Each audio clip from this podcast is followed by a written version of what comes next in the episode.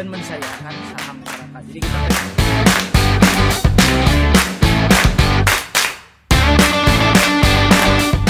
beda sama Jakarta kalau orang Bandung tuh uh, listrik investasiin buat sekolah anak. Golf itu something new. Gitu kupu-kupu mungkin ke- Eh, ayahku tuh satpam gitu kan. Di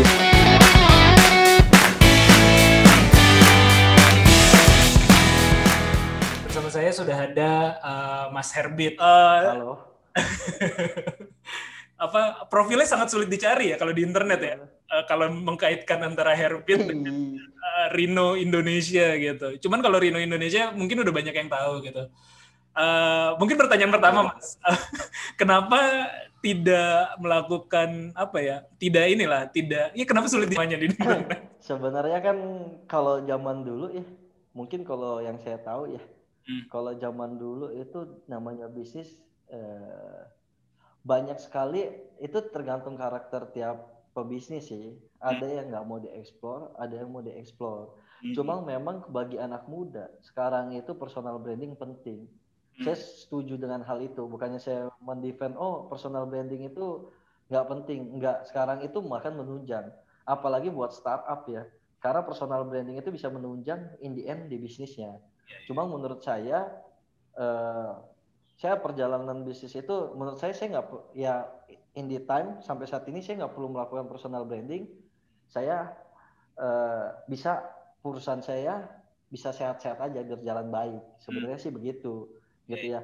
Cuman tapi bukannya saya nggak eh, ngerti artinya personal branding. Bahkan ada beberapa di perusahaan saya, saya pro hire buat orang buat melakukan personal branding sebagai board of director di pro hire jadinya.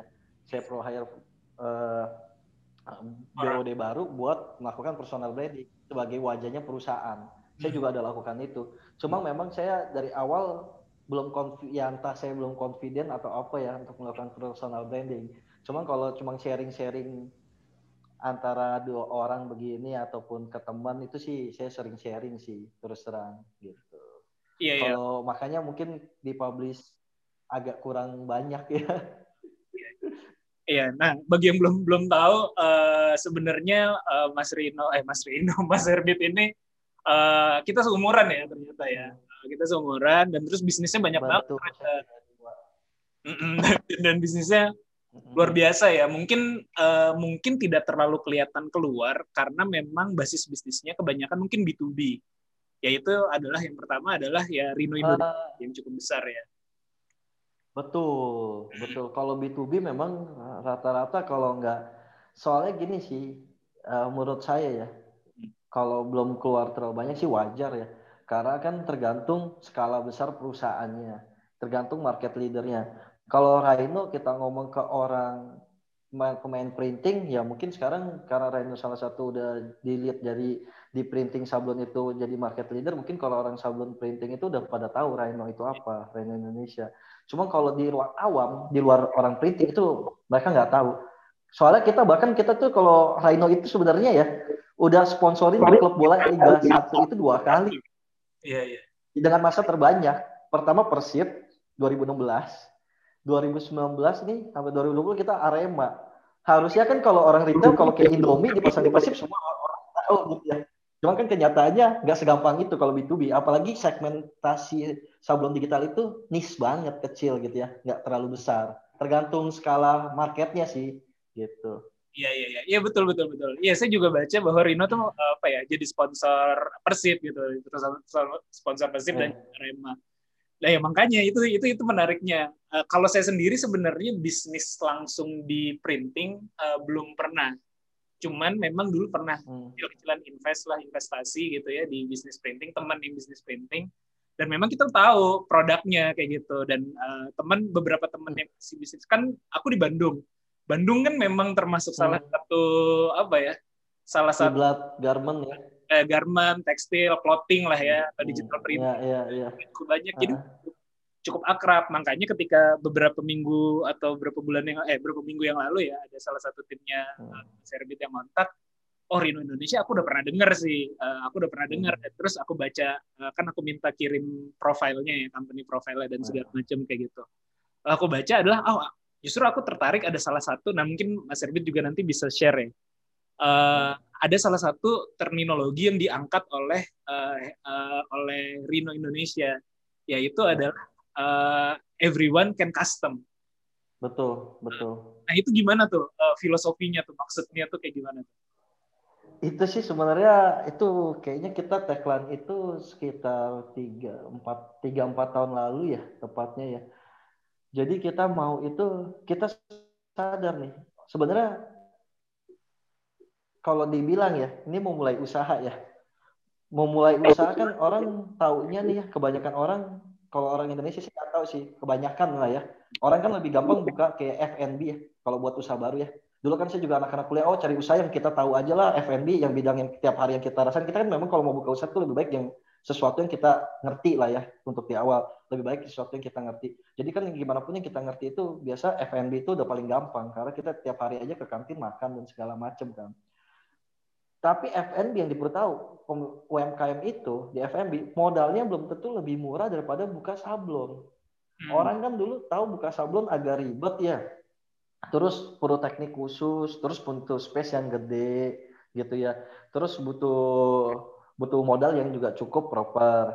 Cuman kenyataannya dengan adanya sablon digital kurang lebih industri yang namanya orang sebutnya hit transfer film ataupun polyflag orang kenal itu sablon digital itu di Indonesia kurang lebih saya masukin ya kurang lebih enam tahun lalu tuh masih belum banyak yang tahu. Mungkin sekarang kalau pemain sablon udah pada tahu sih.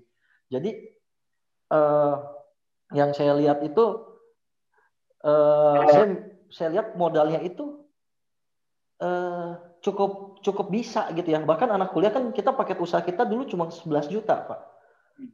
Mas Panji jadi kalau kita buka usaha F&B, contoh nih kita buka usaha makanan nih, kita misalnya franchise makanan yang dulu minum atau makan itu pun modalnya segituan kalau buat di skalanya mal bahkan jauh lebih besar. Yang kalau yang udah branding modalnya bisa ratusan juta kan. Dengan BEP yang perhitungan sangat susah gitu ya. Makanya kita uh, bilang no frame custom itu ya semua sebenarnya dengan modal segini bisa. Bahkan anak kuliah aja kalau dia mau patungan sama temennya kan dulu kita saya juga kuliah pertama kali usaha, saya ajak teman saya tuh patungan bertiga buat modal usaha gitu ya. Karena masih coba-coba nggak sendiri gitu ya kita join bertiga kita patungan ya dengan modal 12 juta buat usaha itu 11 juta 12 juta itu menurut saya semua orang sebenarnya bisa antara dia niat apa enggak gitu ya terus kedua uh, yang saya lihat juga saya memfasilitasi itu kenapa semuanya saya bilang no everyone can custom? Ya memang idenya tercetus kan saya bilang ini kita masuk nih dengan tagline eh, no everyone can custom. Karena apa? Kan kalau pesawat kita lihat ada AirAsia no everyone can fly ya kalau nggak salah. Semua orang bisa terbang. Karena tujuannya dia mau semua orang bisa terbang maupun yang kelas C segmen C maupun A semuanya bisa lah ya. Orang-orang di C HPA karena dia buat harga pesawat terbang seharga naik kereta tuh kadang sama aja beda-beda tipis. Ya saya mau lihat tuh buka usaha itu untuk modal awal buka usaha itu dari kelas C juga kelas apa aja bisa masuk. Yang itu yang saya lihat gitu memang nggak semua orang punya modal 11 juta tapi itu sangat make sense gitu ya. Kalau ada niat bisa lakukan itu gitu ya. Apalagi kita ada tem kayak ada cicilan juga ada ada dibantu juga bisa. Hmm. yang penting niatnya dulu gitu ya. Terus kita ada pelatihan. Bahkan kita ada pelatihan ngajarin mereka sampai bisa melakukan. Jadi harusnya bisa aja, asal dia niat aja. Makanya saya tercetus no everyone can custom itu temanya gitu. Iya iya iya. Itu itu karena gini menariknya lagi. Satu lagi. Okay. Orang nggak menya orang tuh bisnis itu banyak. Saya kan juga ada beberapa kita saya ada kurang lebih ada di beberapa saya ada 8, 8 bisnis, cuma beberapa sektor juga kan, nggak semua di printing, nggak inline juga ada. Jadi eh, yang perlu ditahu, belum tentu balik modal yang di usaha FMB atau bisnis lain itu semenarik di sini juga sebenarnya, Pak. Kalau kita di sablon ini, kita perhitungan bahkan customer kita banyak yang satu bulan, dua bulan itu balik modal. Makanya kita bilang itu perhitungan paling kasar aja kalau dia jalanin benar, itu tiga bulan udah balik modal. Jadi untuk balik modal jadi pertama kali dia mau move entah dia mau mulai usaha kalau dia seriusin ini resiko yang sangat kecil dengan modal yang sangat kecil juga. Jadi ibaratnya risknya kecil uh, startup buat kapitalnya juga kecil gitu loh buat modalnya. Iya iya itu nah, menarik. yang menariknya. Makanya sampai tersus Ya, ya, ya, itu menarik ya. Maksudnya, ya tadi benar, mindsetnya sih kalau anak-anak muda rata-rata pengen bisnisnya tadi F&B gitu. Saya juga ketika lagi, uh, ya karena kita seumur Iya, ya, benar zaman-zaman kita kan sebenarnya betul betul apa ya, uh, entrepreneur yang lagi nge-brand pada zaman-zaman itu adalah misalnya yang bisnis kuliner, kayak gitu kan. Uh, betul yang betul isi seminar-seminar di kampus adalah ya tadi bisnis makanan, betul segala macam. Rasanya makanan makanan rasanya yang ke arah sablon walaupun uh, kalau saya pribadi ini saya, saya, saya sharing sedikit ya. Saya pertama kali ke Bandung itu uh, saya kan besar lahiran besar di Jakarta lahiran besar di Jakarta. Lalu saya pindah ke Bandung untuk kuliah. Nah ketika pertama kali ke Bandung Yeah. itu lagi nyari kosan saya lewat jalan namanya Jalan Suci kalau di Bandung tuh. Uh, Iya. Surapan nah di kanan kiri tuh banyak tukang Hmm. sablon banyak tukang sablon. Dulu mungkin belum ada istilah digital printing ya zaman-zaman 2006 ya. belum Iya. Cuman eh, ya tukang sablon lah waktu itu. Nah, ketika lewat itu saya udah langsung kepikiran, wah, gue dulu di Jakarta kalau nyari baju atau dulu kan zaman-zaman SMA suka bikin jaket, bikin apa ya, mesen betul kaos kayak gitu kan ya. Pas betul Bandung rata-rata apa kalau kalau inilah kalau mau yang bagus itu kita mesen ke Bandung. Saya langsung kepikiran, wah, gue bisa nih kayaknya bisnis eh, sablon atau bisnis kaos lah Hmm. waktu itu ya pikirannya. Entah aparel atau apa jadi ujungnya kayak gitu, entah branding sendiri Hmm. atau atau nerima order-order orang kayak kayak gitu. Hmm. Pertama kali justru itu pengennya kayak gitu. Tapi ternyata pas lagi kuliah ke bawah arus lah ya, ke bawah arus apalagi lebih banyak ke Hmm. teknologi dan jadinya udah mulai eh, bias lah waktu itu. Hmm. Cuman memang itu bisnis yang menarik banget. Bahkan ketika lagi lagi kuliah kan eh, saya suka berorganisasi. Nah, ketika berorganisasi kan kadang-kadang kita apa ya kegiatan kepanitiaan apa butuh kaos. Nah, itu kadang-kadang suka, suka ngorderin tuh. Cuman kaos apa sih namanya tuh baligo apa segala macam yang kayak gitu-gitu lah. benar Saya- benar benar Saya ngorderin waktu itu ngambil untung dikit-dikit lah kan iya namanya ini. tiap ya, kalau custom itu sih kalau yang kita terima custom sih permintaan selama ada kegiatan sih selalu ada ya itu menariknya juga sih kayak kalau itu kan kegiatan di kampus di organisasi buat family biasa ulang tahun anak aja sekarang udah family pakainya seragam biasa buat anaknya ulang tahun ya itu kalau makanya dulu kan sablon itu rata-rata minimum quantity dulu sablon manual Nah, itu saya masuk ke sablon digital itu tanpa perlu quantity bisa. Itu sih menariknya. Jadi kayak kan kayak perusahaan deh, contoh perusahaan yang pegawainya cuma di bawah 30 sama yang di atas 100 banyakan yang mana? Pasti banyak kan kalau kita kan banyak kan pasti UMKM, pasti banyak pegawai yang di bawah 100 bawah 30 lah dibanding yang ribuan pegawai. Jadi sebenarnya pasar-pasar yang sablon digital itu besar gitu ya lingkupnya juga baik gitu. Terus kayak family cuma buat empat kamu ke kalau dulu ke tukang sablon yang pinggir jalan itu empat piece pasti nggak mau dikerjain juga. Karena dia harus buat film dulu lama gitu loh. Waktunya juga lama. Kalau kita digital empat piece mah bisa ditungguin satu jam kelar gitu. Ya jadi ada plus minus. Cuma kalau harga terus terang kalau udah ribuan kita akan kalah sama manual. Kalau udah ribuan Pasti. Ada plus minus. Semua teknologi sih yang kita selama saya bela bisnis sih semua teknologi itu tidak bisa menggantikan 100% sih.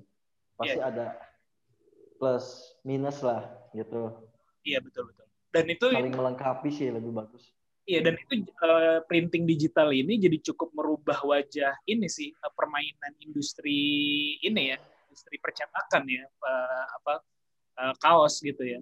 Seperti yang tadi dibilang kalau mau mesen, dulu kalau mau pesan satu dua misalnya harus bikin cetakannya dulu mahal harganya jadi tinggi tuh kalau harga satu. Betul, betul, betul. Iya. Printing digital kan kalau sekarang ya di Bandung juga udah banyak banget gitu. Saya juga ada ada ini di Jogja mesen itu cuman nyetak eh, kaos sendiri gitu paling delapan puluh ribu seratus ribu gitu udah bisa gitu yang Iya, ukuran iya, iya. gambarnya kayak Betul, betul. Iya benar. Nah, berarti itu itu itu itu menarik menarik banget juga sih. Apa jadi merubah wajah industri. Nah, kalau boleh diceritain eh, awal mu awal mulanya bagaimana sih memulai eh, Rino Indonesia ini? Hmm, kalau saya sih terus terang sih kalau Rhino itu awal mula saya dari trading sih. Hmm. Saya itu eh, dulu itu eh, setelah lulus kuliah saya sempat kerja sih. Karena tujuan saya waktu makanya saya nggak pernah ke akuntansi itu ya mohon maaf nih bukannya di akuntansi nggak bisa sukses bisa juga cuma mungkin prosesnya lebih lama apalagi saya di jujur aja nih di akuntansi kuliah saya juga pas-pasan aja ya kan? Nggak jelek nggak bagus yang penting cukup ya.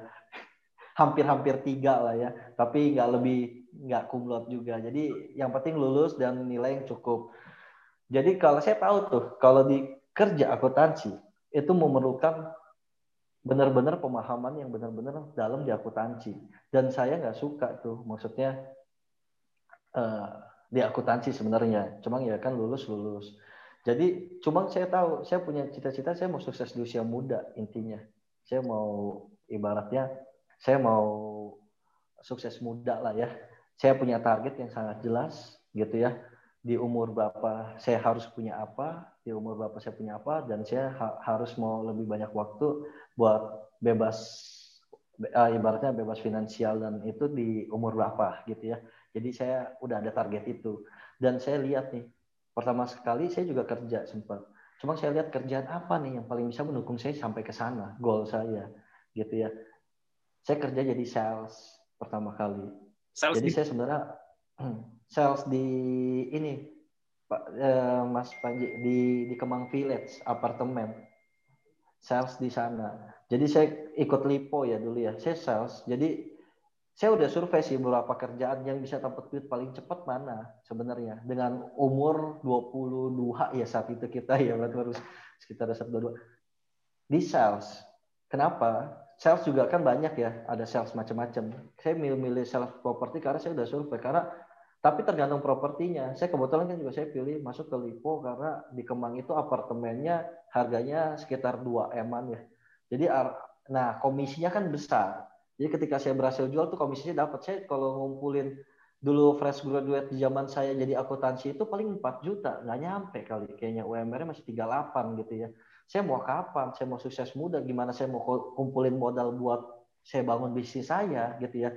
Sebenarnya saya udah bisnis itu dari kuliah, Mas Panji saya cari uang itu udah ini ya sedikit cerita dari SMA udah ikut multi level nih SMA 3 belajar belajar selling ikut multi level lah diajak-ajak ya belajar udah do, memang doyan jualan jadi mindsetnya memang udah ada baca kalau disuruh baca akuntansi sih nggak doyan cuma kalau baca buku kayak bisnis saya suka kayak Robert Kiyosaki dulu saya ada referensi lah beberapa ya buat bebas finansial itu beberapa buku bagus sih. Nah saya udah baca itu. Terus saya di kuliah juga udah mulai usaha buka makanan dan segala macam. Nah itu yang saya bilang saya buka makanan dan segala macam pertama kali bisa saya buka makanan. Nah cuman setelah lulus karena itu kan buka makanan, saya udah ketemu batasnya lah di makanan semana gitu ya. Saya udah tahu tantangannya segala Terus saya mau ngomong mau coba di profesional kerja gimana sih gitu. Makanya saya lulus saya tetap kerja dulu. Usaha saya tetap jalan tuh yang makanan. Nah, setelah itu eh, berjalan saya kerja ya benar ya lebih cepat lah ngumpulinnya. Tapi dalam proses saya satu setengah tahun kerja. Jadi memang saya juga profil saya di kayak LinkedIn atau apa mungkin susah ketemu juga karena saya nggak pernah kerja lama-lama sama orang sih. Itu aja di sana sekali buat satu setengah tahun itu gitu loh. Selesai saya langsung uh, saya trading saya trading saya tuh suka misalnya dulu zamannya masih kasus kalau jualan ya nggak tahu ya mungkin zamannya kita kayak FJB ada rekbar ada kan sebelum ada Tokped saya ini kuat di online juga sih sebenarnya nih hmm. Ya, awalnya karena kalau di paling tahu kan sebenarnya kalau mau modal bisnis nggak perlu modal pun bisa asal niat yang penting mau nggak usaha ya kan sebenarnya kan trading kan bisa trading paling gampang. Sebenarnya kita lihat barang murah, barang yang lagi hype apa, kita cari suppliernya lebih murah, kita beli, kita jualin. Kita lihat pasaran harga, bener nggak? Kan begitu, tanpa harus modal. Juga modalnya dikit lah, kita beli yang lagi tren aja, nggak usah yang itu. Itu saya lakukan dulu. Saya jadi uh, kuliah, buka bisnis kuliner, saya trading juga, main kaskus, FJB, jualan macam-macam lah. Hmm. Dari board game, dari jual uh, kosmetik segala macam. Jadi saya main macam-macam. Nah, cuman saya uh, waktu tahun pertama kan saya kerja ya saya fokus satu tahun setengah tahunnya saya udah mulai lagi itu udah ada duit kekumpul saya mulai eh, fokusin ke bisnis saya lagi. Nah, saya udah jadi saya satu tahun dua tiga itu dua tiga dua empat itu saya udah dua tiga saya udah impor. Jadi saya main impor dulu gitu ya. Jadi saya lihat pertama ambil dari supplier nih sini. Oh barang ini laku, volume makin gede. Terus saya impor. Impor eh, akhirnya volumenya gede ya makanya saya udah trading lama. Terus trading macam-macam saya akhirnya jatuh ke trading Eh, buka trading? Bukan. Trading jersey bola. Oh, awalnya berapa dulu trading jer- jersey bola? Impor. betul. Itu polyflex? Betul. Jadi saya eh, kalau kita ngomong Rhino ya sebelum jersey bola sih ada macam-macam ya kan? Cuma kosmetik ada sampai sekarang masih jalan. Cuma eh, awalnya Rhino itu saya dari trading jersey bola. Dari dulu di Bangkok ya ambil GO jersey GO di di di sana. Ya memang eh, saya tahu gitu ya ini kan trading sebenarnya. Ya kan? Eh, dibilang good business ya sebenarnya eh, ya tapi buat startup ya asal lo bisa hasilin sih menurut saya is oke aja ya. Yang penting kan ngeliat peluangnya. Dulu tuh kalau nggak salah tujuh tahun lalu tuh jersey bola itu gila-gilaan banget tuh eh, peminatnya terus saya kan masuk tanah abang juga tuh Hmm. masuk tanah abang.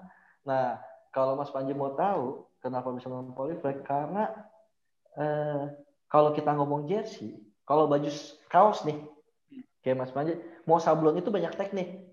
Hmm. Ada sablon manual, ada yang direct to garment, ada macam-macam. Bisa pakai polyflex juga, bisa macam-macam.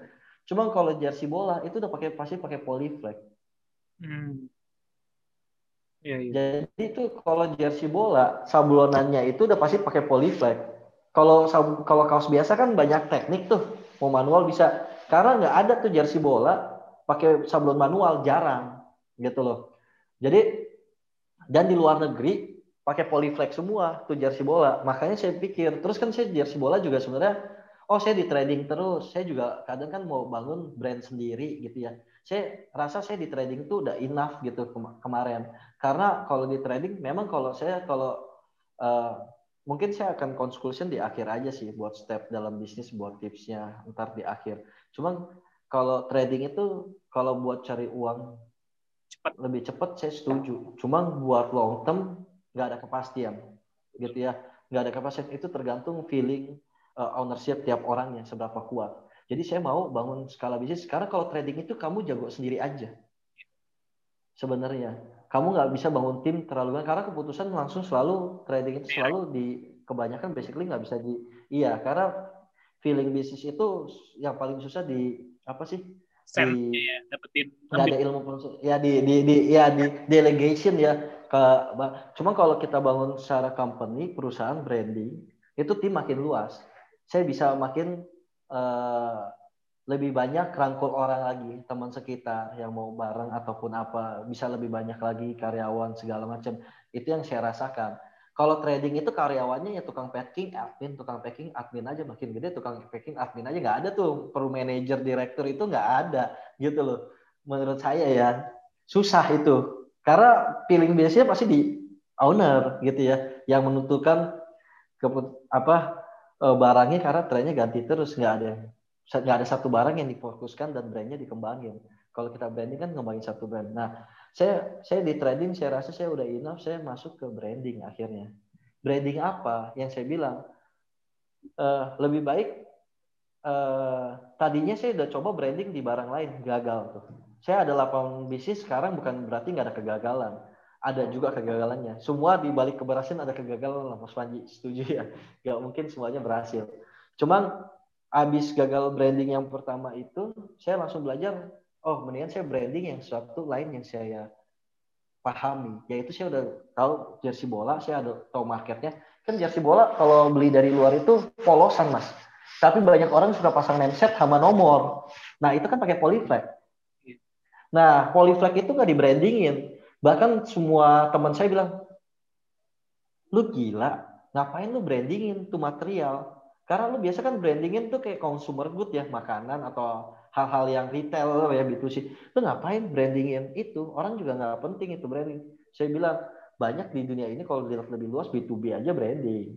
Nggak mesti harus retail B2C yang branding saya bilang.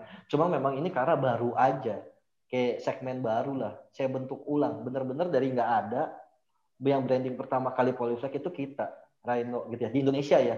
Saya di luar negeri itu udah ada. Saya kan kalau lihat role model biasa kalau kita mau tipsnya lagi kalau kita mau lihat suatu bisnis paling gampang itu lihat dari luar. Luar sebenarnya. Dari first first first country ya. Jadi kita kan kayak second country ya gitu ya. Jadi kalau biasa kita ketinggalan lima tahun 10 tahun jadi kalau di luar trennya udah ada kemungkinan di Indonesia bisa ke depan juga bisa. Harus dikaji lagi sih memang. Cuma cara simpelnya begitu.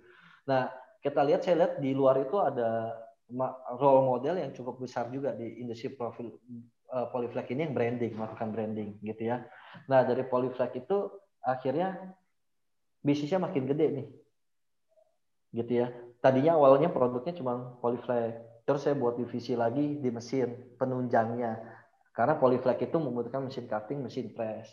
Terus saya masuk lagi ke industri uh, sublim gitu ya. Sublim buat kan kalau buat kalau polyflex itu lebih ke oh baju jadi kita tambahin. Kalau sublim itu dari material yang belum jadi gitu ya. Benar-benar mentah baju kayak buat baju jersinya lah. Kalau polyflex kan buat nomornya ini buat bajunya benar-benar mentah. Saya juga siapin. Jadi udah e, ibaratnya orang mau belajar ya orang mau belajar dari nol sampai sampai sampai sejauh mana kita ada udah siap. Jadi kita bisa ajarin semua gitu. Kurang lebih sih gitu sih awal mulanya kalau Rhino. Ya itu menarik menarik banget sih. Uh, sebelum kita bahas bisnis yang lain aku mau dalam aku mau lebih dalam dulu ya di Rhino dan memulainya tadi. Boleh.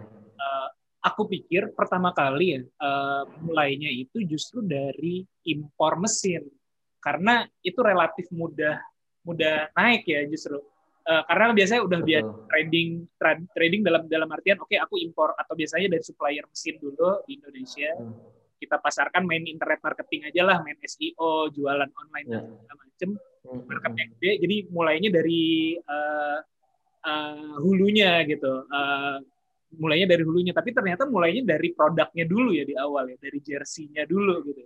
Trading jersey, jual beli. Iya benar. Jadi mundur, baru mundur. Oh perlu mesinnya nih, perlu apanya nih, baru ke belakang betul, sulit. Gitu. Betul, betul, betul. Tapi kan kalau kita mau ngomong beda nih, Mas Panji memang urutannya begitu kalau awal mulanya cuma kita itu yang jersey itu bukan saya dari awal bangun Rhino itu udah terpisah dari jersey bukannya itu jersey awalnya bukan tapi saya dapat inspirasi buat bangun perusahaan Rhino itu dari jersey gitu ya. Jadi eh, ke, karena saya di jersey itu saya ngerasa ilmu saya karena di trading tuh ilmunya menurut saya ya nggak banyak banyak banget. Harga sama update barang. Harga update barang. Tiap hari yang itu yang saya lakukan gitu ya. Barang paling cepat harga paling kompetitif. Itu aja gitu ya. Hama cari barang baru yang paling tren itu aja. Jadi saya ngerasa kalau bisa kaya nggak bisa cukup nggak bisa cuma bisa dapat ilmu banyak nggak makin agak susah gitu loh saya tapi kan saya punya toh Nah, saya rasa saya udah cukup. Saya punya modal ya. Kenapa saya nggak coba move ke branding lah, bangun bisnis ya corporate gitu ya. Terus punya tim, bangun struktur organisasi, ya kan belajar cara branding gimana. Susah nggak? Susah buat saya gitu ya. Branding itu nggak sesimpel kayak trading sebenarnya. Tantangannya jauh lebih susah karena ketika branding lu kamu harus punya modal lebih dulu gitu ya. Buat uh, gambaran paling simpel deh. Kalau trading sama branding, kamu uh, jualan misalnya jualan jersey bola kamu paling gampang itu jualan jersey bola itu misalnya Nike Adidas kamu jual itu kamu cari supplier lebih murah kamu jual lagi. Yang kamu tahu nih musimnya eh mau juara nih siapa bakal banyak permintaan. Itu kamu kalau nggak bisa aja gimana kamu buat brand apparel sendiri? Namanya misalnya Panji lah ya kan? Nama brand apparelnya kamu mau brandingin. Nike yang terkenal terkenal itu aja kamu nggak bisa jual gitu loh. Itu branding itu nggak mungkin gitu karena mau gedein nama Panci kan juga perlu proses ya kalau kita mau branding bener nggak kayak saya gedein nama itu proses dan kita kalau udah di branding tipsnya lagi tidak boleh kita cara pikir dengan trading. Oh, lagi sepi turunin harga, lagi sepi kita harus udah siap. Jadi ketika di mau masuk branding, tipsnya adalah kita harus udah siap semuanya. Siap mental, siap finansial, siap, siap blueprintnya juga sampai sejauh mana kamu mau bawa perusahaannya.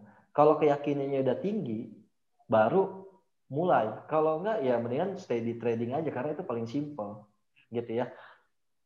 Jadi eh, saya mulainya Rhino itu ya karena eh, inspirasinya memang dari jersey. Saya makanya mulai Rhino itu material. Cuma bukan waktu mulai Rhino saya udah finan ibaratnya kita suntik buat PT baru, orangnya timnya baru, semuanya baru terpisah. Nggak ada urusan sama toko mah tetap jalan aja, orang berbeda gitu ya. Jadi begitu. Jadi saya fokus ke branding, gedein.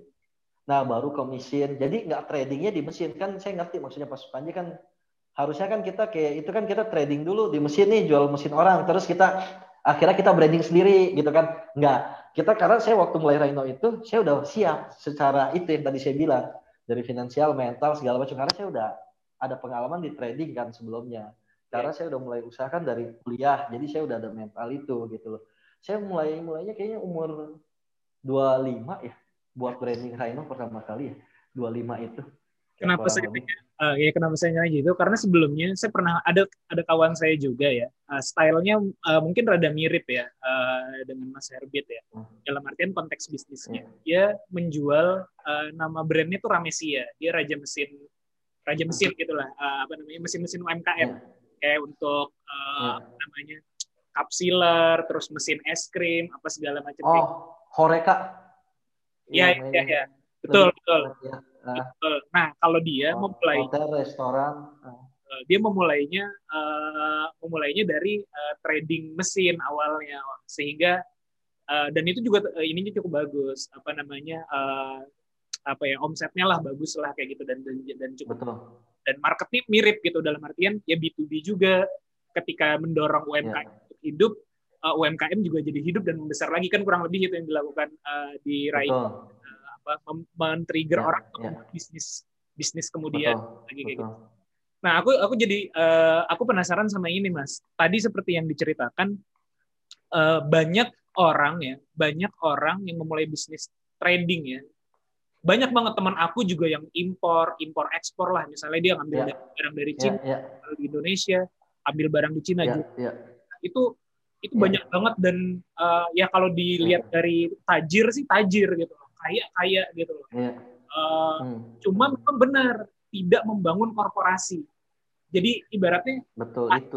Ujung-ujungnya uh, meng-hire oke okay, admin diperbanyak, uh, eh, CS diperbanyak, kalaupun dia hire yang betul level, betul ya, hire yang levelnya manager, ya mungkin manager untuk menggantikan posisi dia untuk memanage yang ini ada. Operasional doang. Iya. Betul, operasional betul operasional ya. Mungkin itu clue-nya di situ.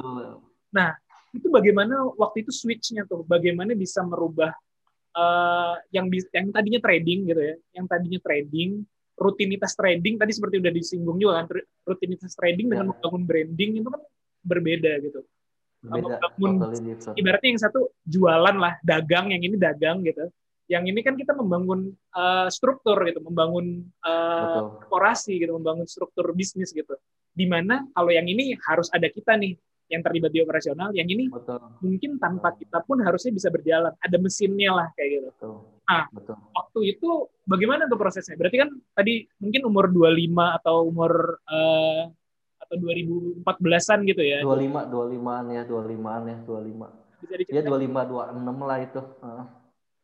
Nah, ceritain sedikit ya.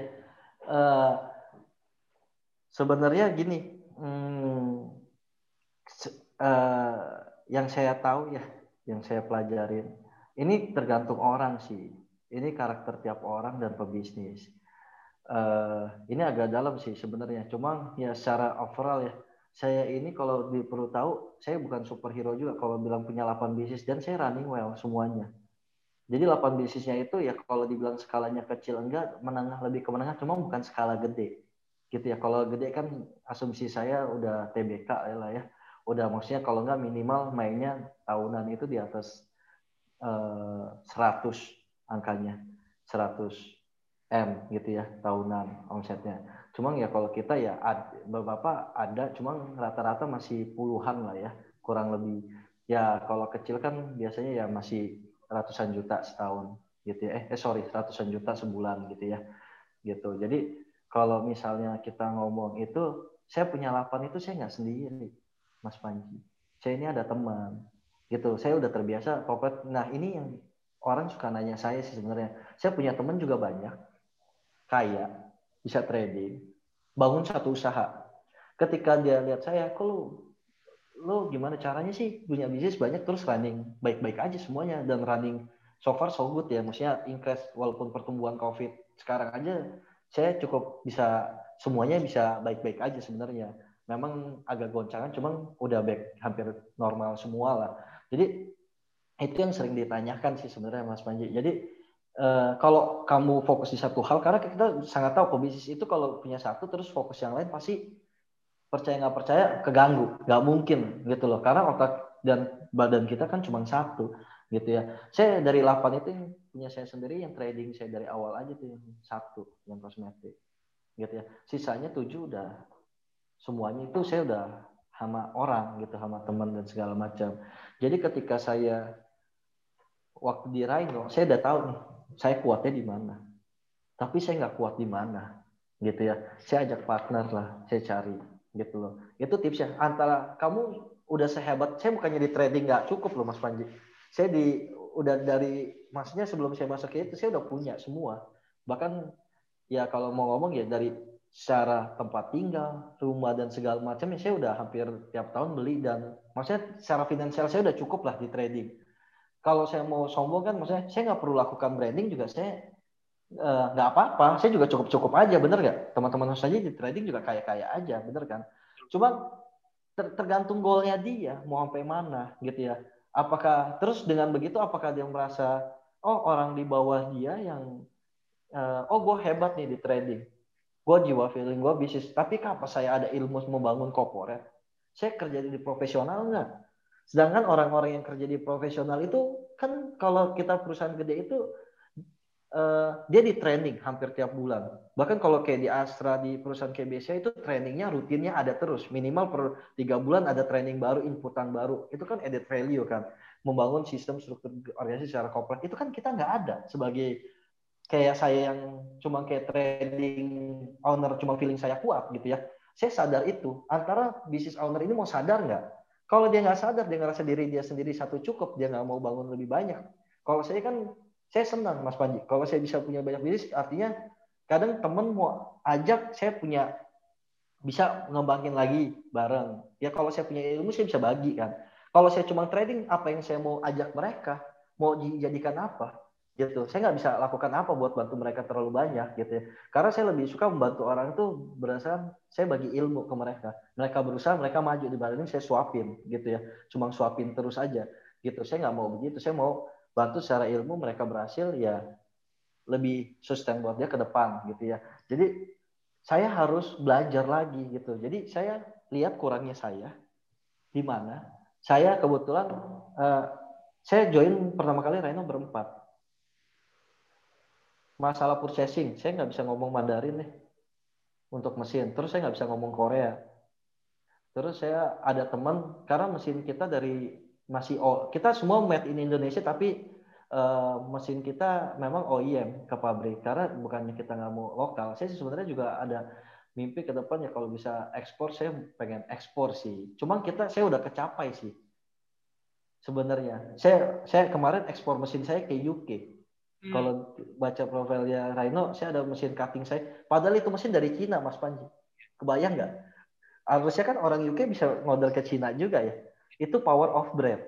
Sebenarnya tidak ada uh, usaha yang ya, nanti hasil sama. Apple juga made in China. Cuma karena brandnya US orang semua negara mau ambil gitu ya. Maksudnya ibaratnya semua juga banyak kan produksi di mana sesuai kebutuhan. Cuma kan yang penting kan brandnya seberapa power of brand ya. Yaitu ya kita udah bisa ekspor ke luar ya kebetulan kemarin ke UK ada yang percaya buat kita ambil mesin kita buat didistribusikan di sana gitu ya. Jadi Tapi karena pun eh, ya di Indonesia assembly gitu ya bahan dasar masih eh, impor eh, OEM tadi gitu ya tapi assembly dan eh, bisa produksi di dalam negeri kayak gitulah ya saat ini Enggak, se- sebenarnya belum mas, jujur aja. Jadi gini, brandnya kita, tapi kita langsung kirim dari pabrikan dari Cina ke sana. Sama kita kan ada dari Korea juga. Kalau material polyflex itu kita masih dari Korea, sama dari ada dari beberapa negara ya. Ya kalau main di sablon sih biasa rata-rata Korea, Cina, Itali, sama tiga ini sih sama US paling. Jadi eh eh, kita eh, yang kita yang sekarang ini yang yang jelas brandnya Indonesia. Kita bangun sendiri. Cuma memang pabriknya pabriknya di mana-mana. Belum ada pabrik kemarin sempat mengenal Polyflex mau pabrik Korea mau ajak ke sini mas. Kadang nggak segampang itu.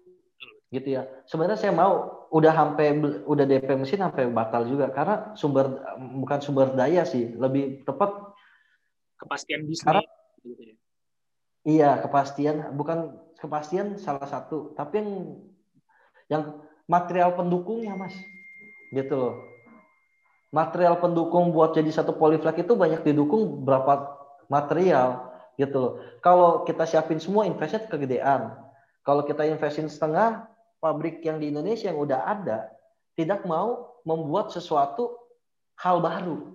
Orang Indonesia tuh lebih suka yang safety aja. Gue ngapain harus buatin sesuatu yang baru buat lu? Gue udah ada order sebanyak ini di sini. Gue nggak mau pusingin lu lah. Quantity lu masih baru gitu loh. Jadi itu banyak hal yang buat susah sih. Nggak segampang itu kalau teknologi-teknologi yang makanya saya juga pikir dulu oh gampang aja nih kenapa nggak buat di Indonesia nih? Kita kan kadang idealis juga mau di sini cuman ternyata nggak segampang itu. Akhirnya harus dipending lagi. Ya, di samping ya kita punya idealisme lah sebenarnya. Kita pengen bangun di Indonesia tapi ya harus mesti realistis juga sih harus dibentuk apa mungkin di kita secara tadi mungkin kalau ngomongin itu berarti kan uh, flow-nya atau misalnya supply Hmm. chain-nya belum ada di Indonesia. Jadi nggak hanya semudah Hmm. oke gue budget mah ada bisa bangun di Indonesia nggak nggak nggak cukup gitu ya jadi memang Hmm. memang ya bertahap lah ibaratnya ya. dan betul harus ya, mesti realistis juga dengan dengan kondisi sekarang ya, ya, ya. Iya, tapi kuncinya tadi biar bisnis mau itu ya akhirnya saya putusin saya partneran berempat. Terus salah satunya termasuk kakak saya juga satu. Dia lama di Astra sih. Secara profesional, dia enam tahun di Astra dan secara corporate dia cukup pengetahuannya cukup banyak. Jadi saya juga partneran sama dia, sama teman saya satu lagi bagian purchasing. Dia memang kuat di bahasa juga kuat sama finance satu. Jadi gini loh kuncinya sebenarnya. Kalau kita partneran, ini tips ya. Kalau kita partneran dari nol, yang dibutuhkan itu peran masing-masing dari owner sebenarnya, bukan sekedar uangnya. Uang tuh kalau kita mau bangun branding ya perusahaan, bisnis dari nol ya. Saya bilang bisnis dari nol ya, bukan bisnis udah skala gede. Kalau dari nol, yang dibutuhkan peran masing-masing owner. Itu harus paham dulu. Kalau ada yang cuma, oh gue yang keluar duit, lu yang kerja, udah pasti bubar. Percaya saya deh nggak pakai lama deh itu susah. Karena bangunnya dari nol ya. Kalau kamu mau punya duit mau punya bisnis beli aja saham di bursa efek. Ya kan? Udah ada direkturnya ada udah berjalan sendiri. Kamu punya duit invest aja sana. Kamu lihat perusahaan mana. Bener ya? Kalau bisnis dari nol yang dibutuhkan karena kita nggak apa kita nggak mampu gaji direktur. Kita belum mampu gaji manajer. Yang kita harus semua be, semua owner harus membantu dalam perusahaan untuk mengembangkan usaha baru kita ini nih gitu ya brand baru kita ini. Itu kurang lebih sih mas Panji. Jadi mau nggak nih?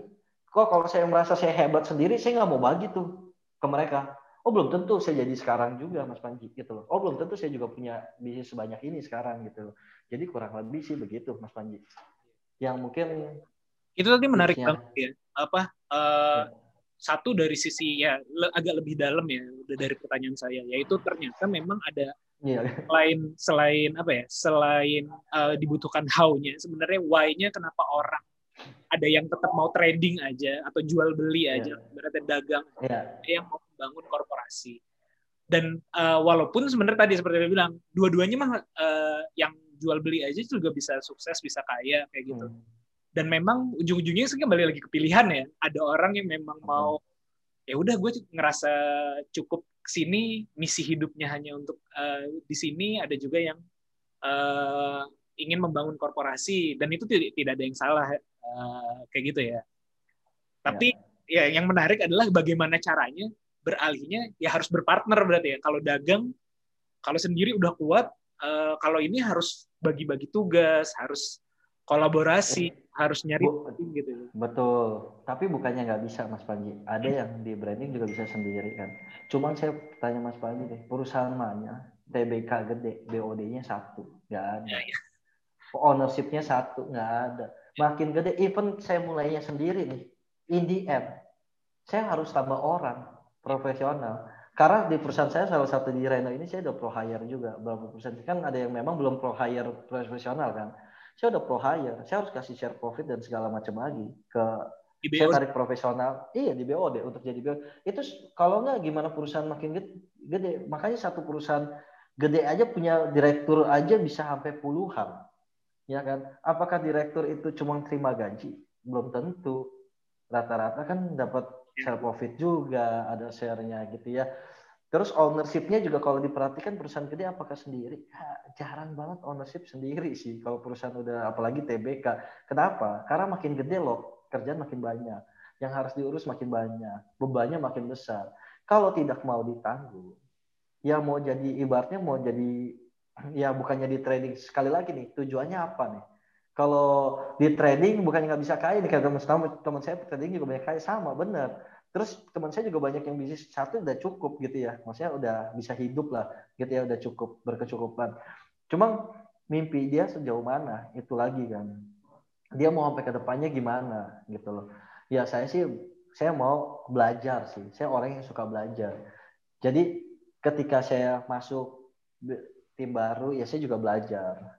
Jadi saya belajar lagi, ilmu saya nambah lagi. Saya jadi nggak pernah takut. Saya juga pro hire ya. Saya nggak pernah takut orang bagi ilmu terus saya hire. Saya malah seneng kalau orang yang saya hire juga lebih pintar dari saya kok. Jadi saya bisa belajar lagi sama mereka kan.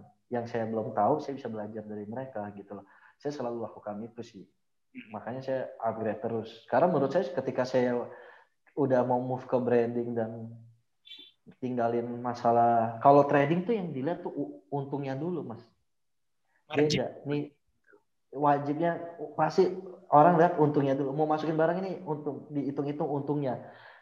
Ini apa kiblat ya kiblat poinnya ya. Kalau di branding kita main bangun bisnis yang dilihat apa? Kalau dia lihat untungnya dia cenderung udah pasti susah. Dia harus lihat apa? Pertumbuhan grow-nya. Grow-nya mau sejauh mana? Kalau kalau kita ngomong ya sensor dikit lah perusahaan marketplace di Indonesia pertama kali startup yang unicorn unicorn sekarang. Itu kalau dia lihat untungnya udah nggak mungkin jadi sekarang. Dia kan lihat grow-nya. Untuk three years five year kan dia bakar uang dulu. Kan nggak untung perusahaan. Tapi kan dia lihat grow-nya. Makanya kalau udah main ke branding nggak bisa lihat poinnya untung rugi doang.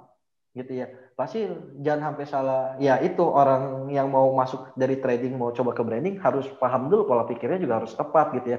Jangan sampai oh dia trading oh yang mau ke branding tapi pola pikirnya masih kayak trading. Yang nggak jalan-jalan. Balik lagi ke bangun nih branding nih coba balik lagi ke trading gitu. Bangun coba nggak nggak karena teman saya juga banyak. Tanya ke sini oh gue mau bisnis tambah nih ini oke begini. Nggak lama gagal. Oh gue balik lagi. Fokus ke bisnis utama lagi tradingnya lagi gitu. Banyak yang begitu juga gitu loh. Jadi ya harus benar dulu mindsetnya. Iya. kurang lebih sih begitu mas Panji Saya penasaran sih. Eh, saya penasaran sama background mungkin keluarga ya. Eh, kalau dulu di zaman saya, ya kita karena kita seangkatan gitu ya. Saya juga saya malah eh, memulai bisnis mungkin baru eh, setelah lulus kuliah tuh eh, dan eh, langsung bisnis lah ibaratnya pada waktu Iya. zaman saya itu. Dan eh, keluarga saya eh, termasuk yang cukup apa ya resisten lah terhadap Oh. terhadap keputusan itu. Karena pada waktu Hmm. itu eh, umumnya di Indonesia eh, entrepreneurship ataupun eh, wirausaha atau dianggapnya dagang itu adalah pilihan untuk orang-orang yang tidak bisa bekerja gitu kan. Jadi jadi Hmm. resistensi terutama dari orang tua, dari ibu gitu Keluarga. ya, dari keluarga gitu. eh, ngapain lo udah kuliah di ITB oh dagang Iya. kok kok kok eh, kok jualan gitu harusnya kerja di mana kayak gitu di bank kayak atau di migas kayak yang kayak gitu gitulah gitu sudut ini ini menarik juga nih Mas Panji sudut pandangnya. jadi jadi Nah. yang Mas Herbit Ini- menemukan eh, menemukan kondisi seperti itu nggak ketika apakah dari keluarga ada resistensi atau memang keluarganya dulunya udah eh, udah bisnis gitu. kok terus terang dulu sih waktu saya kecil sih eh, ke eh, ayah kerja ya. Cuman kalau waktu saya udah SD itu udah mulai bisnis sih memang keluarga. Cuman gini, nggak usah bukan karena backgroundnya keluarga pebisnis ataupun nggak pebisnis, tapi itu saya menurut saya itu saya kan juga sekarang udah jadi orang tua nih, ya kan. Jadi saya tahu lah, itu kekhawatiran kita aja. Kita mau anak kita yang terbaik sebenarnya. Kita takut anak kita salah mengambil keputusan sebenarnya. Kalau resistensi apalagi saya. Saya kan mulai jual-jualan dari SMA 3 tuh. Terus saya juga dari awal kuliah saya udah bangun bisnis. Gagal lagi. Itu tuh resistensinya kuat banget, Pak. Bukannya dikit lagi.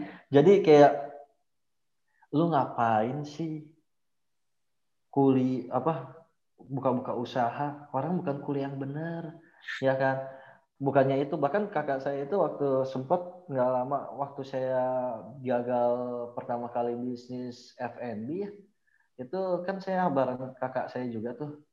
Ya terus mama udah nggak usah ikut orang tua nih ibu. Nggak usah ikut eh eh, adek lu lagi dah. Lu kan udah mau dia kan mau lulus. Terus dia juga secara itu kan diterima di Acer karir bagus. Lu udah nggak usah ikut-ikut lagi. Lu fokus aja di profesional. Ngapain lu ikut-ikut bisnis-bisnis kecil gitu loh? Jadi resistensi selalu ada. Cuma gini itu kan mental tiap pengusaha itu yang saya saya juga nggak tahu ya. Saya juga bagi tips ini kan menurut saya nih pengusaha yang sukses itu dia bisa motivasi dirinya kapan aja. Tanpa orang motivasi. Kayak mau kita ngomong nih Mas Panji saya cerita sharing ini ke anak muda nih. Oh teman adik saya juga kan adik saya masih kuliah juga sekarang di Prasmo. Kadang teman-temannya tanya kok mau belajar dong? Ya datang ngobrol. Semangat besok cuma seminggu kelar lagi. Konsistensi anak muda memang diakui kurang termasuk bahkan adik saya sendiri juga kadang dia juga tahu kan maksudnya saya gimana cuma dia konsistensi saya setiap ngomong dia juga ngakuin konsistensi dia kurang ya saya bilang ya kapan karena kalau kita mau bisnis ya lo harus udah korbanin waktu waktu dua kali 24 jam sehari nggak bisa dibeli waktunya lu mau korbanin nggak? Ketika saya kuliah kan saya pasti ada korbanin waktu main saya untuk bisnis kan. Itu kan waktu sehari kan berapa kan yang harus nggak bisa dibohongin. Tinggal waktu mau us- berusahanya, usahanya lebih banyak aja apa enggak. Kalau resistensi pasti ada pak. Bukannya nggak ada Mas Panji. Jadi saya kayak kayak begitu saya berprinsip gini Mas Panji sebenarnya. Eh, untungnya lagi nih, saya nggak pernah pakai modal orang lain termasuk orang tua saya itu boleh ditanya sampai sekarang saya nggak pernah pakai modal dia saya pakai tabungan saya dari kecil itu saya ada habit bagus dari kecil itu saya nabung karena menurut saya itu finansial itu penting buat pebisnis. Karena pebisnis pinter nggak ngerti finansial juga bahaya. Sebesar apa pun itu. Jadi finansial itu harus dimengerti juga. Jadi karena sebesar berapapun dapat kalau nggak ngerti akan habis juga. Jadi harus tahu pos-posnya. Jadi saya dari dulu dari uang jajan saya cuma saya ingat banget 500 perak saya udah bisa nabung. Sampai saya lulus kuliah saya mau buka usaha. Itu saya udah punya modal sendiri. Jadi saya udah udah siap. Terus tapi apakah dengan modal saya sendiri nih Mas Panji orang tua enggak? Waktu saya gagal orang tua kira-kira resistensi ke, udah gue bilang ngapain lu usaha? Ya kan? Itu kan sayang tabungan dari kecil. Lu jadi Hilang. ngapain hilang kan gue udah bilang kan tekanan makin kuat untungnya saya berprinsip gini orang tua saya tuh salah satu ya oke lah orang tua saya termasuk salah satu yang trading lah bisnis maksudnya eh, sendiri lah ya bukan corporate. Kan ada kalau di sana yang salah satu menganut lagi kalau orang eh, itu biasa orang tua itu orang lama ya pikiran lama itu lu bisnis jangan sama ini deh sama orang deh sendiri aja. Lu jangan sama orang deh ntar ribut. Selalu begitu gitu ya kalau pikiran oh tapi saya itu saya makanya saya bukannya kadang orang tua tuh nasihat bener saya saya bukannya mengajarkan buat nggak mendengarkan orang tua ya tersalah lagi ngomongin di sini tapi gini harus dikaji lagi pada dasarnya Gimana? pada dasarnya sa- orang tua tuh sangat peduli dengan kita. Keluarga sangat peduli dengan kita. Mereka khawatir terhadap betul. eh, apa ya? Di- apalagi ternyata itu dihadapi oleh bah- bahkan orang tua yang sudah berbis- berbisnis dalam dalam tanda kutip mungkin Betul. dagang malah lebih tahu kan oh masalah di dagang Ya benar, benar. Jadi Ya benar. ya sayang lah kita sebenarnya bukan bukan untuk lawan ya tapi kita ya Betul. ada tujuannya ba- bagus seperti itu Cuma kan gini, Mas Panji, saya sih berprinsip ya, karena kan saya ya untungnya orang tua Indian bisa ngerti sih asal kita tunjukkannya kan benar gitu ya. Saya sih berprinsip, saya ini kan pria juga. Saya akan jadi kepala keluarga. Hidup saya hidup saya. Selama saya lakukan itu tidak salah jalan, maksudnya buat yang baik, bukan buat yang salah. Saya berhak gitu loh, buat saya try. Dan orang tua juga tidak bisa ngajarin saya secara ilmu bisnis gimana karena dia kan old school yang saya tahu itu in- kalau nggak kan saya buat apa kuliah buat apa saya bergaul sampai jenjang tinggi saya melihat kacamata luar yang lebih lebar lagi bener nggak anak anak kita kita kuliah anak kita sampai di luar lihat sistem baru dan segala macam biar lihat dunia luar kayak gimana bangun perusahaan gede gimana. Terus waktu balik ke orang tua ngomong disuruh dikerdilkan lagi pemikiran kita. Gitu ya. Kita bukannya mohon maaf nih ada beberapa masukan yang berarti ya. Kayak bisnis jangan mau benar hati-hati. Saya juga bisnis sama orang pernah gagal salah orang. Cuma kan kita kalau nggak itu kan kita nggak belajar. Gitu ya. Tapi kan dari itu proses learning itu yang kita belajar. Antara kita mau belajar apa enggak aja gitu ya. Jadi saya waktu gagal juga saya belajar lagi gitu ya caranya gimana ya kan lebih baiknya gimana. Ya prinsip saya itu aja dari banding saya pakai uang saya tabungan saya buat yang nggak baik mas. Ibaratnya godaan juga banyak waktu masa kuliah kan bener nggak? Antara ya yang tidak baik yang negatif konteksnya berjudi ataupun apa pun itu kan bisa aja. Selama saya nggak lakukan itu uang saya habis di sana menurut saya saya akan terus baik makanya saya waktu walaupun udah dikena tekanan itu nggak lama saya buka lagi mas. Usaha. Saya coba lagi. Titik baliknya di mana tuh ketika orang tua eh, udah mulai percaya gitu? Kalau saya kalau saya simpel. kalau kalau saya ya waktu itu gitu nah, saya ya, agak Panji gimana? Eh, saya waktu itu agak main jalan tengah. Karena ya yang namanya orang tua kita apa ya eh, wisdom lah. Mereka kita nggak bisa apa ya nggak bisa frontal frontal sefrontal itu kalau kalau saya. Betul. Karena saya betul. dididik eh, ya udah besar di Jakarta cuman kedua orang tua saya itu Jawa. Eh, sukunya Jawa jadi kita tidak Hmm. terlalu apa ya tidak bisa frontal langsung lah. Jadi saya mengambil jalan tengah. Betul.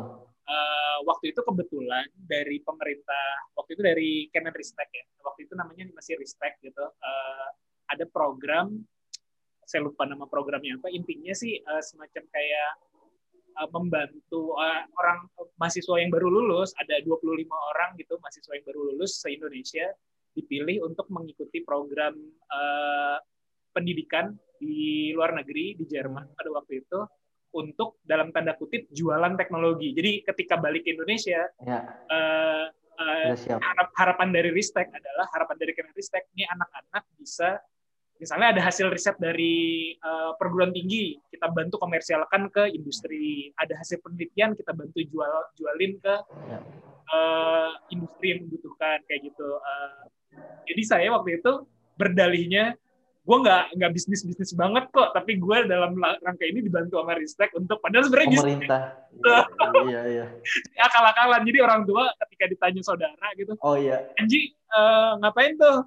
Nggak tahu ada ini sama respect kayak gitu. Jadi kita nggak masih jadi smooth smooth maksudnya semut, betul betul lah. Masuk ke bisnisnya semut kayak gitu. Nah, nah kalau mas ma- apa Mas Arbit gimana tuh? Apa pembuktiannya ataupun eh, transisinya lah kayak gitu, membuktikan ke orang tua. Kalau kalau saya sih ya tadi saya pikir sih begitu. Memang eh, karena gini Mas Panji, yang penting tujuan kita baik. Kita melawan arus bukannya nggak boleh, melawan arus boleh tapi tujuannya baik. Kalau tujuannya salah juga kan merugikan orang lain jangan. Makanya kalau dulu saya mungkin pakai duit orang tua buat bisnis mungkin saya buat melangkah lagi juga agak susah. Jadi penting sih finansial juga cukup. Jangan nyusahin orang. Ketika kita mau berjuang itu ada alangkah baiknya kita usahakan sendiri. Jadi apa pun itu tanggung jawab sendiri. Belajar tanggung jawab apa pun hak tindakan yang kalian ambil kan. Pada intinya begitu. Jadi kalau titik baliknya gampang mas. Panji. Ketika usaha itu jalan, walaupun usaha kecil gede, usaha pertama saya kecil kan usaha saya pertama kali buka es krim sih, jujur aja gagal. Terus saya buka counter kecil-kecilan kentang goreng lagi. Habis usaha es krim saya gagal, saya buka lagi, saya belajarin tuh. Mirip-mirip kalau nonton film bilioner ya, yang Thailand Taekwondo itu masalah tempat, pelajarin lagi mirip-mirip begitu. Eh, akhirnya kurang lebih begitulah saya alamin. Jadi saya buka lagi, oh tempatnya benar nih, jalan. Dengan tempat yang pertama kali juga, kalau saya bilang omsetnya sama saya sekarang yang saya dapat itu juga maksudnya ya nggak seberapa lah ya. Itu udah running aja. Orang tua udah senang Mas Panji. Jadi saya tahu intinya tuh orang tua itu khawatirkan anaknya salah ambil jalan aja dan membuat masa depannya tidak baik. Cuman selama Mas Panji menunjukkan itu maksudnya kita ada keyakinan yang kita jalankan baik ya bukannya nggak ada goncangan ya. Orang tua juga kalau kita lihat anak bekerja keras walaupun nggak sesuai sama dia apa nggak dibantu. Saya kerja dulu semua sendiri kan Mas Panji. Kita bisa dari nol. Buat urus gerobaknya sendiri cari supplier sendiri beli sana sendiri sampai malam. Buat es krim saya sampai pulang dari counter saya belajar buat es krim saya buat sendiri. Jadi kadang bantuin juga jaga di mall. Pulang mall dia jam 10 terus sampai rumah jam 12 buat es krim sampai pagi. Orang tua juga lihat. Kalau saya sih lihatnya ya memang orang tua mungkin sedih lah. Anaknya udah capek-capek mungkin gagal atau gimana ya maksudnya kita kan sebagai orang tua tapi tujuan dia kan mau lihat anaknya berhasil. Ketika berhasil ya dia juga senang kok. Dan dia akan mensupport kok. Cuma dia pikirkan uh, untuk di awal ya dia nasihat. Dia lebih ya kayak Mas Panji bilang dia pasti kan lebih tua. Kita harus menghargai dong pengalaman dia lebih banyak. Bener ya? Jadi ya advice dia kadang ya harus didengar juga. Saya selalu kok saya juga kayak Mas Panji kalau di saya share ke orang tua orang tua dan dengar kalau saya nggak paham kadang saya dengerin aja walaupun tindakan saya ntar di lapangannya berbeda sama nasihat dia ada yang berbeda ada yang enggak. Cuma saya dengerin dulu. Saya nggak saya nggak mau maksudnya paling kalau saya mau mau mau itu juga saya tentu harus kasih apa nasihat pelan pelan sih. Apa maksud masuk apa argumentasinya pelan pelan juga. Nggak bisa oh nggak benar nih ngomong begini. Waduh itu nggak bisa nggak bisa nggak bisa nggak boleh nggak boleh juga. Orang tua gimana pun kan harus dihargai gitu yeah. ya nggak semua juga ngomongan dia salah itu harus tahu nah dan poin dia in the end juga benar gitu loh. Nah, kan Mas Herbit udah udah apa ya uh, udah menjalani bisnis selama ini dan pasti kan uh, ya bisnis kan naik turun lah apa pun apa pun yang dikatakan bisnis tuh dikampanyekan bisnis tuh bagus, uh, bisa kaya dan segala macam. Cuman kan pasti naik turun, hmm. jatuh bangun gitu. Nah mungkin kaitannya sama pertanyaan orang tua dan sekarang udah menjadi menjadi orang tua juga. Kalau anaknya mau bisnis, boleh nggak? kalau itu sih saya nggak tahu ya zamannya bakal berubah lagi ya. Cuma kalau saya dengan pengenalan saya yang open mind, saya kan juga update terus nih. Karena saya nggak membatasi diri saya kan. Saya harap sih kalau saya juga misalnya nih kan saya secara profesional aja saya membukakan jalan saya sih berprinsip gini saya nggak pernah didik anak saya juga akan saya karena didikan saya juga menurut saya saya juga bukan didikan yang saya juga cukup keras mungkin ya jadi saya didikan yang cukup keras jadi saya berpandangan saya cukup membekali anak saya dengan ilmu aja gitu ya membekali dia kalau secara dia mau cari lebih itu keputusan dia dia mau berkarir secara profesional saya dukung karena menurut saya nggak ada yang salah. Itu kan tujuan hidup orang. Profesional juga bisa sukses kok. Nggak harus pebisnis kan, bener nggak? Cuma kan dia tinggal move-nya gimana aja, mau gimana. Kalau dia mau berbisnis ya pasti saya support. Cuma kalau dia, saya mau berbisnis, dia kalau mau langsung gede pun saya mungkin akan tidak akan mensupport secara langsung. Oh, gara-gara saya udah ada uang, oh mau bisnis gede, saya langsung support dana kayak gitu. Saya nggak mau. Biarkan aja dia mulai dari nol gitu loh karena saya tahu yang penting bukan untuk di awal itu bukan yang penting itu bukan hasilnya, tapi proses yang paling penting, Mas. Karena kalau ketika dia langsung mulai dari gede, dia nggak tahu basicnya, goncangannya akan sangat gede. Kalau dia mau belajar ya masuk aja kan perusahaan saya udah terstruktur dari bawah aja. Secara karir dulu kan biar dia tahu prosesnya. Itu sih kalau saya kurang lebih begitu. Cuma kan dulu kan orang tua saya nggak bisa gitu karena trading. Saya mau bantu apa? Saya udah bantu kok dulu belanja belanja barang disuruh pergi beli apa beli apa. Waktu dulu sekolah kan kadang disuruh nih beli barang gitu ya beliin gitu kan pulang sekolah ya kadang juga udah bantu. Cuma kan nggak bisa nggak ada ilmunya mas. Itu jadi kurir gojek saya dulu. Disuruh beli situ bener kan? Makanya saya nggak mau begitu lagi. Saya mau udah mempersiapkan saya bangun long term bisnis saya branding itu bangun perusahaan terstruktur itu buat ke depan anak saya juga sebenarnya. Ya kalau dia mau terusin syukur. Kalau enggak itu perusahaan udah berdiri sendiri tanpa saya. Itu harus uh, ya dream saya lah gitu Nah kalau ngomongin bisnis yang lain, eh, bisnis yang lain nih, Eh, kan kalau aku lihat tuh ada eh, Captain Barbershop gitu ya. Captain Barbershop mungkin yang sifatnya lebih ke consumer ya. Terus juga eh, tadi ada apa Iya. namanya eh, kosmetik juga kayak gitu-gitu. Eh, boleh Iya. diceritain nggak apa eh, itu kan berarti awalnya sebenarnya di Rhino gitu, terus kan membangun yang lain, membangun yang lain gitu. Itu bagaimana bisa dualisme atau bahkan ini delapan lisme gitu ya maksudnya membagi diri, Iya, iya. membagi waktu gitu-gitu Eh, atau main di modal. Gini lah sebenarnya Mas Panji. Hmm. Enggak sih. Sebenarnya tujuannya nggak di sana.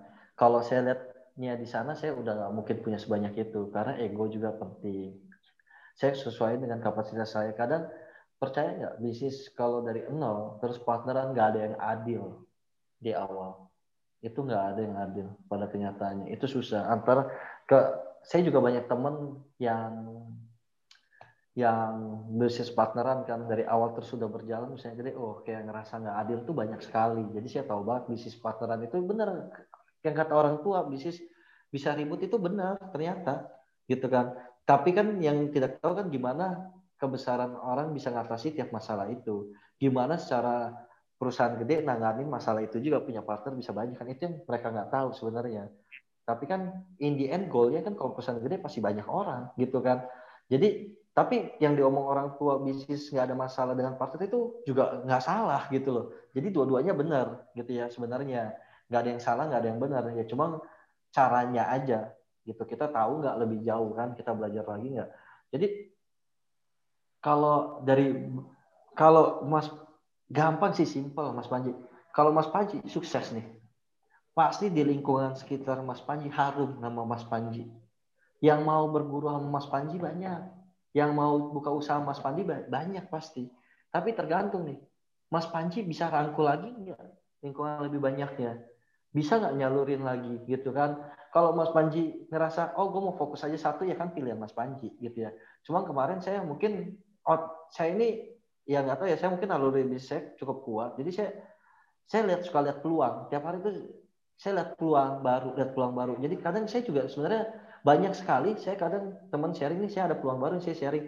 Saya kadang bilang ini ada peluang baru nih bagus. Lu orang bisa nih jalannya. Nggak usah gue nggak usah ikut nggak apa-apa. Gitu ya lu orang jalanin tapi nggak mau mau ada saya. Gitu ya. Saya udah bilang yang saya nggak bisa apa? Yang kamu harus lakukan perannya apa? Saya perannya di mana? Saya jadi udah open apa adanya di depan. Ya kalau mereka masih mau saya ini ya silahkan. Saya nggak pernah maksa itu itu datang dengan sendirinya aja gitu loh ntar saya mau bisnis baru lagi nih kalau memang di line saya ya paling saya pro hire dulu cari orangnya. Saya nggak mungkin sendiri untuk sekarang. Karena saya udah tempatin. Saya ini cuma badan satu. Otak saya memang meeting, Mas Panji. Maksudnya bisa pikir banyak kan. Karena waktu kan 24 jam. Saya sampai malam terus mikir usaha saya pasti. Karena mikir satu-satu. Uh, cuman gini loh. Saya meeting ngiter. Tiap minggu saya akan meeting. Ke mana-mana. Cuma badan saya satu. Saya udah putusin. Saya paling sehari-hari saya pasti yang pasti ada selalu ada di Rhino gitu loh.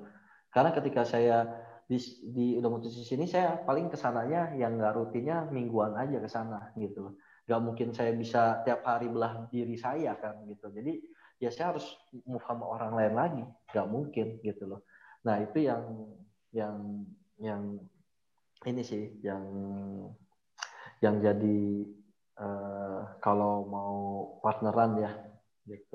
Berarti uh, poinnya yang saya tangkap adalah satu masalah pembagian peran dan delegasi tadi itu Betul. penting.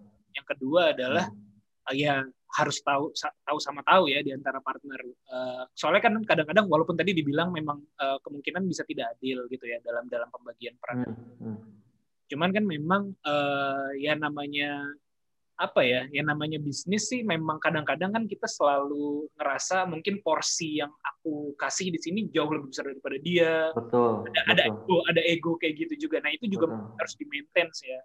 Harus harus Betul, itu itu itu maintenance banget sih Mas Panji. Kalau nggak nggak bakal bisa banyak juga sih terus terang untuk di awal ya. Kayak misalnya nih idenya dari saya nih. Cuma saya tahu peran saya akan kecil di sana.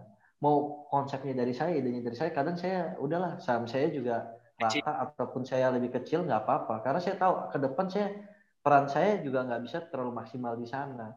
Saya cuma ngedrive mereka. Ya ibaratnya ya udahlah. Kadang-kadang ya saya daripada saya bantu orang juga yang nggak oh toh ada temen yang mau berusaha kenapa saya nggak bisa bantu saya bagi ilmu toh kalau dia sukses juga saya senang bisa bantu orang lagi sukses bisa dapat lahan pekerjaan baru lagi buat banyak orang saya sih mikirnya sesimpel itu aja. Kalau saya bilang oh ego gue oh karena gue punya ini joinan berempat lagi. Oh gue punya konsep gue ini. Padahal gue cuma punya konsep gue punya uang gue 50% dulu mereka kecil-kecil ketika usaha jalan udah pasti berat lagi Mas Panji. Jadi saya ego sebagai leader juga ya menurut saya sih juga harus tepat sih gitu ya. Maksudnya ya itu sih tipsnya kurang lebih. Makanya juga ya kalau ya kadang ada beberapa sih kadang beberapa teman juga sampai ngeledek lu udah kayak apa uh, udah apa setia dengan perkara kecil. Maksudnya setia dengan saham yang kecil. Kadang kan maksudnya di kurva perusahaan kan karena ada beberapa kan saham itu nggak worth it apa yang lo lakukan lah gitu lah. Maksudnya dari bikin konsep segala macam otak lo diperes cuma ya menurut saya perusahaan itu ketika kita buat udah kayak anak kita sendiri.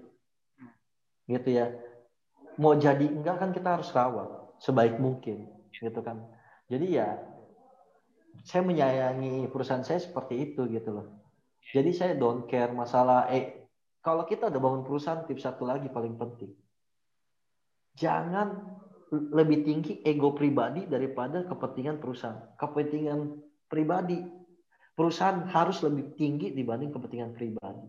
Itu harus ditekankan. Selama keputusan karena kan apakah nggak ada debat, Mas Panji? Saya tujuh bisnis orangnya berbeda-beda bisnis, ya kan, beda-beda. Itu beda. debat ya? Nggak mungkin nggak ada. Itu beda-beda semua atau ada yang irisan juga di antara founder ada irisan tapi tapi ada ada yang foundernya mir, ada yang ada di dua bisnis cuma rata-rata paling sampai dua aja sisanya pasti udah beda orang gitu loh nah apa nggak ada debat pasti ada nggak mungkin debat itu pasti ada. Nggak mungkin bohong lah. Cuma semua keputusan itu selama baik buat perusahaan bukan buat kepentingan pribadi. Itu akan bisa jauh diterima. Itu sih kuncinya Mas Panji kurang yeah. lebih.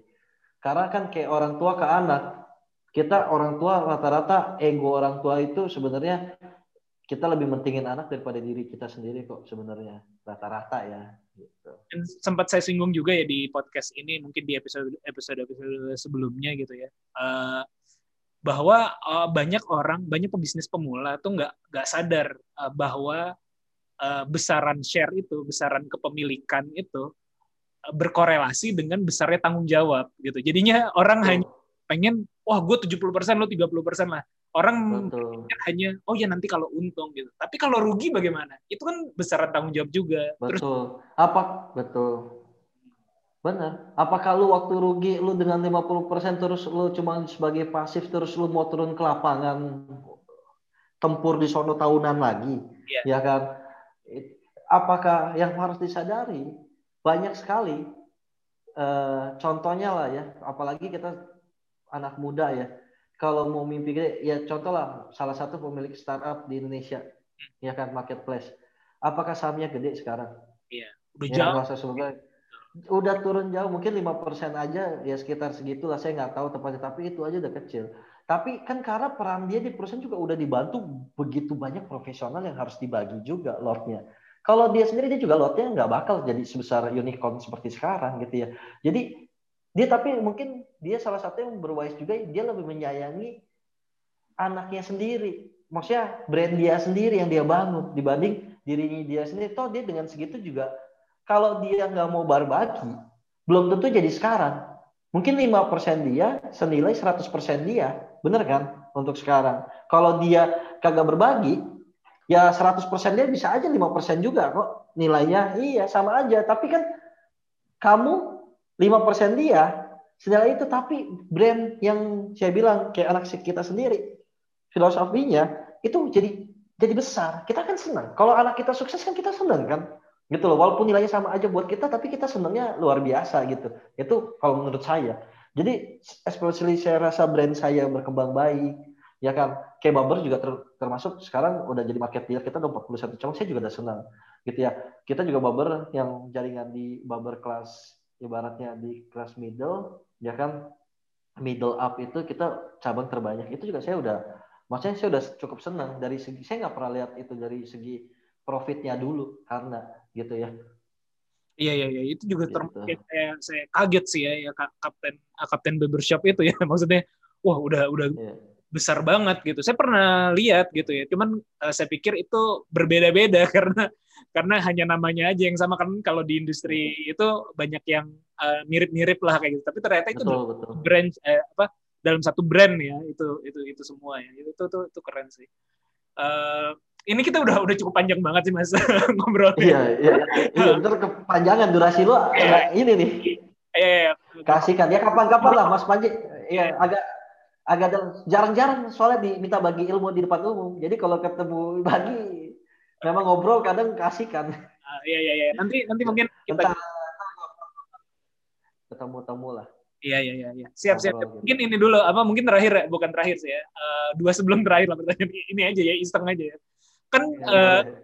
eh, Rhino Indonesia masuk di Persib, masuk di Persib tahun 2000 eh, kalau di eh, Arema baru tahun ini kan ya, baru 16. 2020 ya. Kalau di Arema baru 2020. betul ya 2020 Eh, itu kenapa dasar? Betul, 2020. Kena- kenapa dasar pertama kenapa milih Persib gitu? Aku kan tinggal di Bandung, Persib kan termasuk salah satu. penasaran bener. Bener.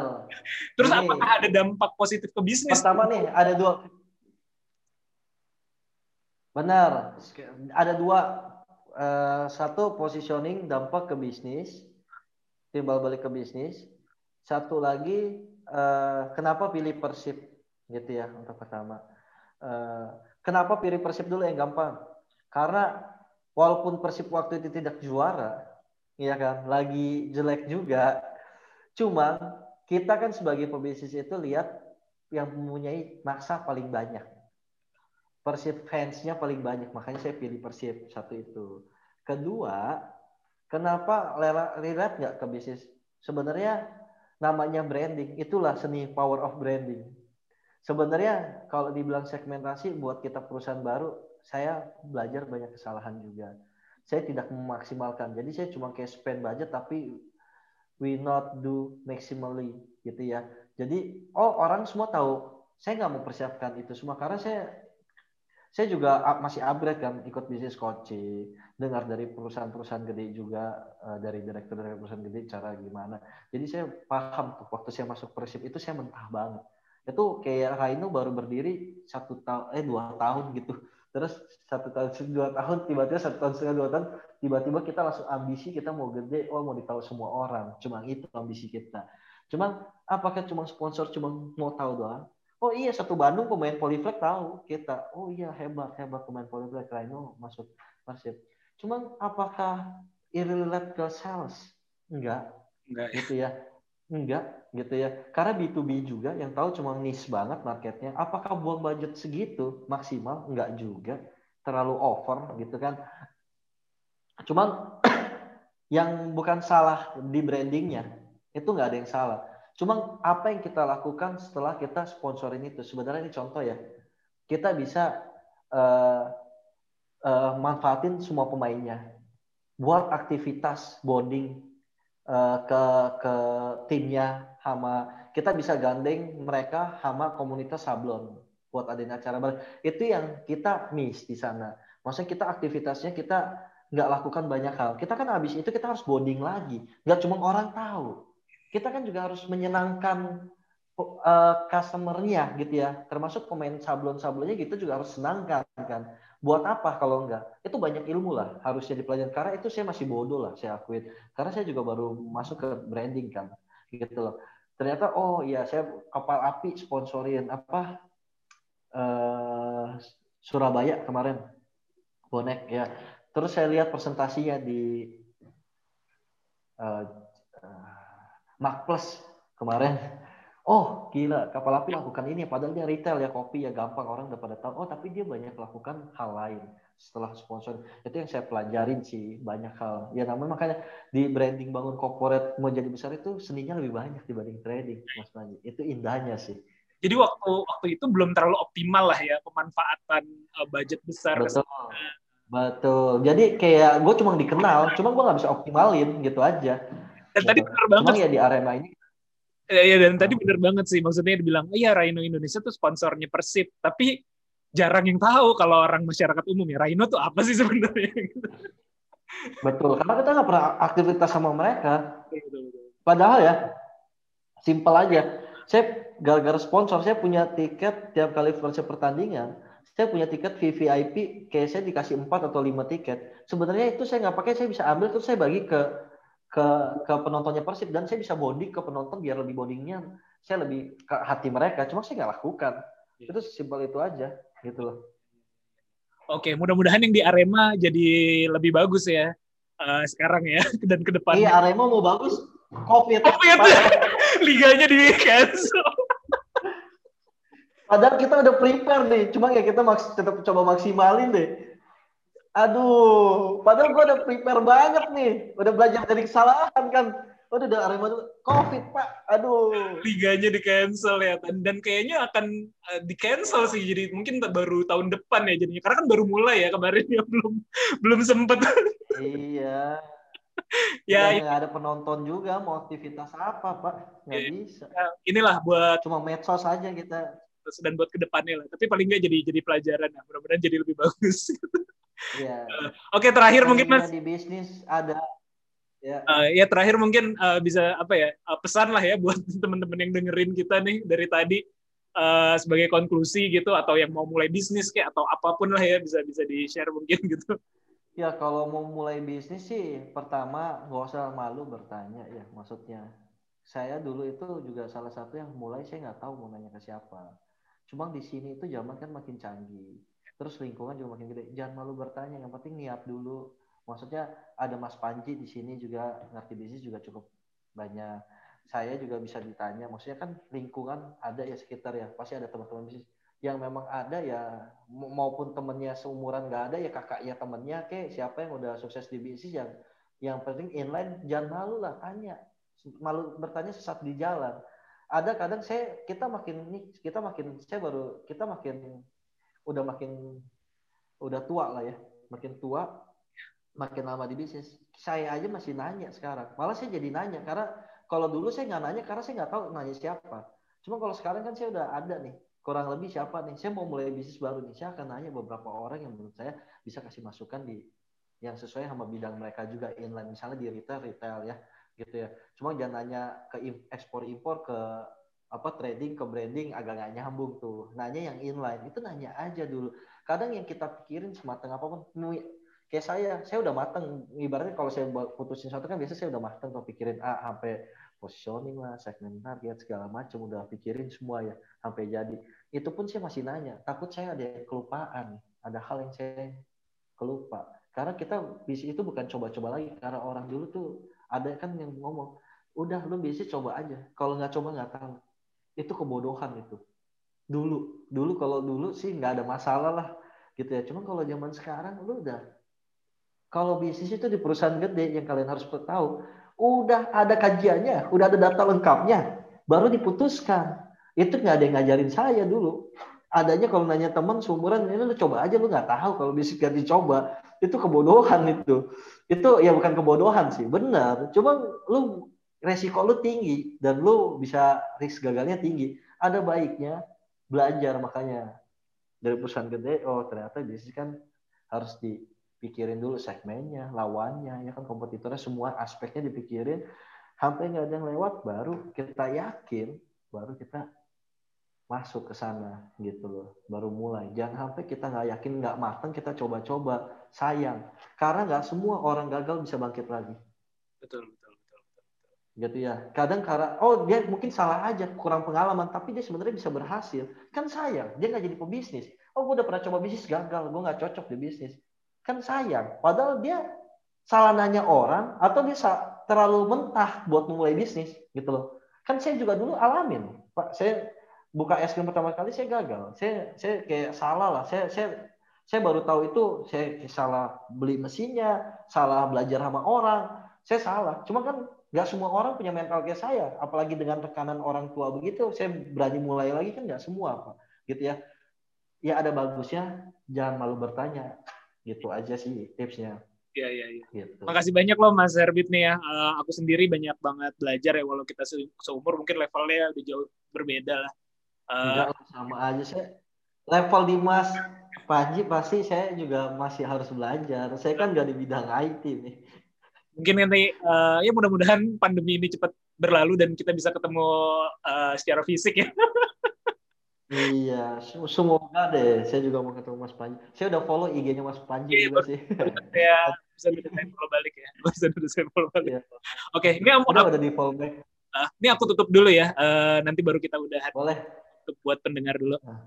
Uh, terima kasih buat yang udah mendengarkan obrolan saya dengan Mas Herbit. Semoga obrolan kami ada manfaatnya. Ya pasti ya, ada manfaatnya banyak banget nih. Uh, sekian dari saya dan juga uh, sampai berjumpa lagi di podcast Ngobrol Bisnis episode berikutnya. Bye. Ya, bye.